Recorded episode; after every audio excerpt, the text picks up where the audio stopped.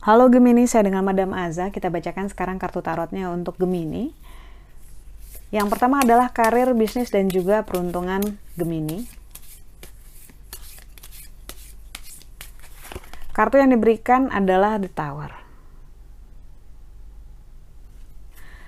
Kadang kita ngerasa bahwa kita udah paham banget tentang suatu hal, tentang scene-nya gitu ya, tentang industrinya atau tentang kerjaannya karena kita udah pengalaman, kita punya network gitu. Dan kita percaya sama diri kita sendiri. E, itu adalah hal yang bagus di mana kita percaya sama diri kita sendiri, tapi jangan over. Pada saat kita over, kita cenderung untuk meremehkan, kita cenderung untuk males belajar gitu, kita cenderung untuk ah saya udah saya udah hatam nih gitu ibaratnya baca Al-Quran udah hatam 10 kali gitu, udah tahu luar dalamnya mungkin ya. Tapi manusia berubah, industri berubah, lingkungan berubah, eh, masyarakat berubah, otomatis perlu ada yang namanya relearning, belajar ulang gitu ya. Perlu juga untuk paham bahwa pengetahuan kita di masa lalu bisa jadi sudah tidak relevan dengan masa sekarang.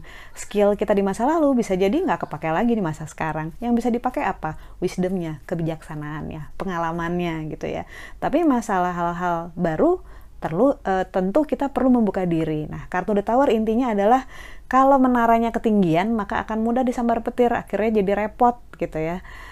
Harus menempatkan diri sendiri sejajar dengan orang lain walaupun mereka junior tapi pasti ada yang mereka bisa ajarkan untuk kita gitu. Walaupun kita ngerasa kita udah nyaman sama komunitas kita circle kita gitu. Jangan ngerasa bahwa circle lain gak guna ataupun di bawah dari circle kita. Siapa tahu banyak hal-hal yang bisa kita petik gitu bermanfaat buat kita kita juga bisa bermanfaat buat mereka. Intinya adalah direndahkan dulu egonya kemudian dibuka dirinya supaya wawasannya meningkat gitu ya. Keluar dari kotak yang kita buat sendiri gitu ya. Jangan mengkotakkan diri sendiri ataupun kemampuan diri sendiri. Masih banyak hal yang perlu kita pelajari.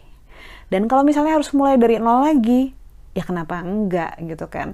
Mungkin ini bukan balik jadi nol tapi melakukan hal yang sama tapi levelnya udah naik gitu ya kalau waktu itu udah hatam buat level intermediate, sekarang mungkin level advance, tapi mulai dari nol dulu, walaupun levelnya sudah berbeda. Lalu untuk percintaannya Gemini, kartu yang diberikan adalah The Fool.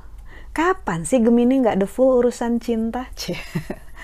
Full ini adalah tentang satu hal yang berisiko, risky gitu ya. Hal-hal yang seru, menyenangkan, keluar dari rutinitas gitu ya. Ibaratnya kayak uh, icing di di atas kue, cie, icing di atas kue. Kesannya apaan gitu. Tapi kartu The Fool ini menunjukkan satu hal yang nggak biasanya. Biasanya orang bilang ini berisiko, tapi bukan risiko yang tinggi gitu ya Uh, tapi satu hal yang di luar dari ordinary, di luar dari pattern, ibaratnya ada keseruan-keseruan.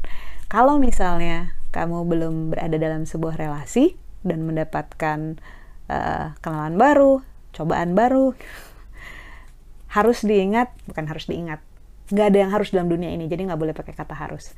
Sebaiknya diingat bahwa uh, dalam setiap keputusan selalu ada konsekuensi. Jadi kalau misalnya kamu nganggap ah ini buat lucu-lucuan aja gitu, tapi ujung-ujungnya kamu baper dan sakit hati, atau sebaliknya dia yang baper terus dia yang sakit hati sama kamu, itu juga ada konsekuensinya. Jadi dalam melakukan segala sesuatu harus diingat bahwa orang lain itu punya agenda sendiri uh, orang lain punya ego sendiri sama seperti kita. Yang buat kita cetek yang buat kita remeh gitu ya. Buat orang lain mungkin dalam buat orang lain mungkin berat gitu.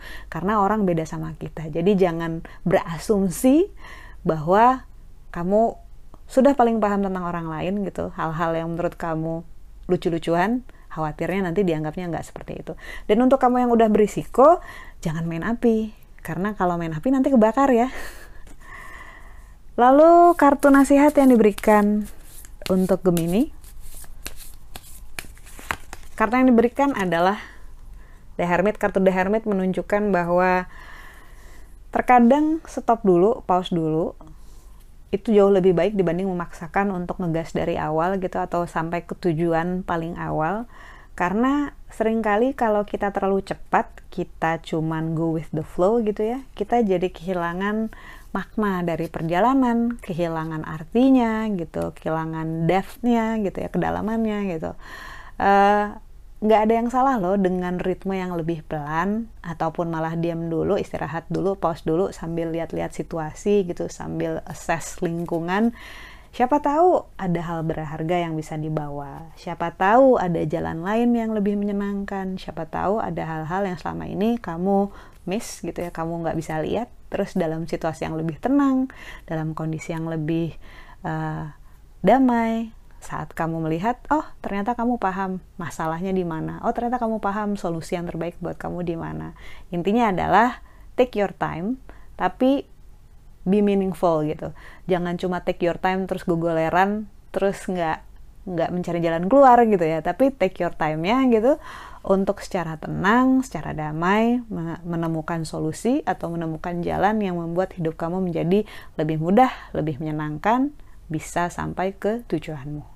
Sekian bacaannya, semoga bermanfaat. Kita doakan hanya yang terbaik saja untukmu, terutamanya semoga sehat selalu, panjang umur, kaya raya, bahagia, berkelimpahan segala hal yang baik dari Tuhan Yang Maha Esa.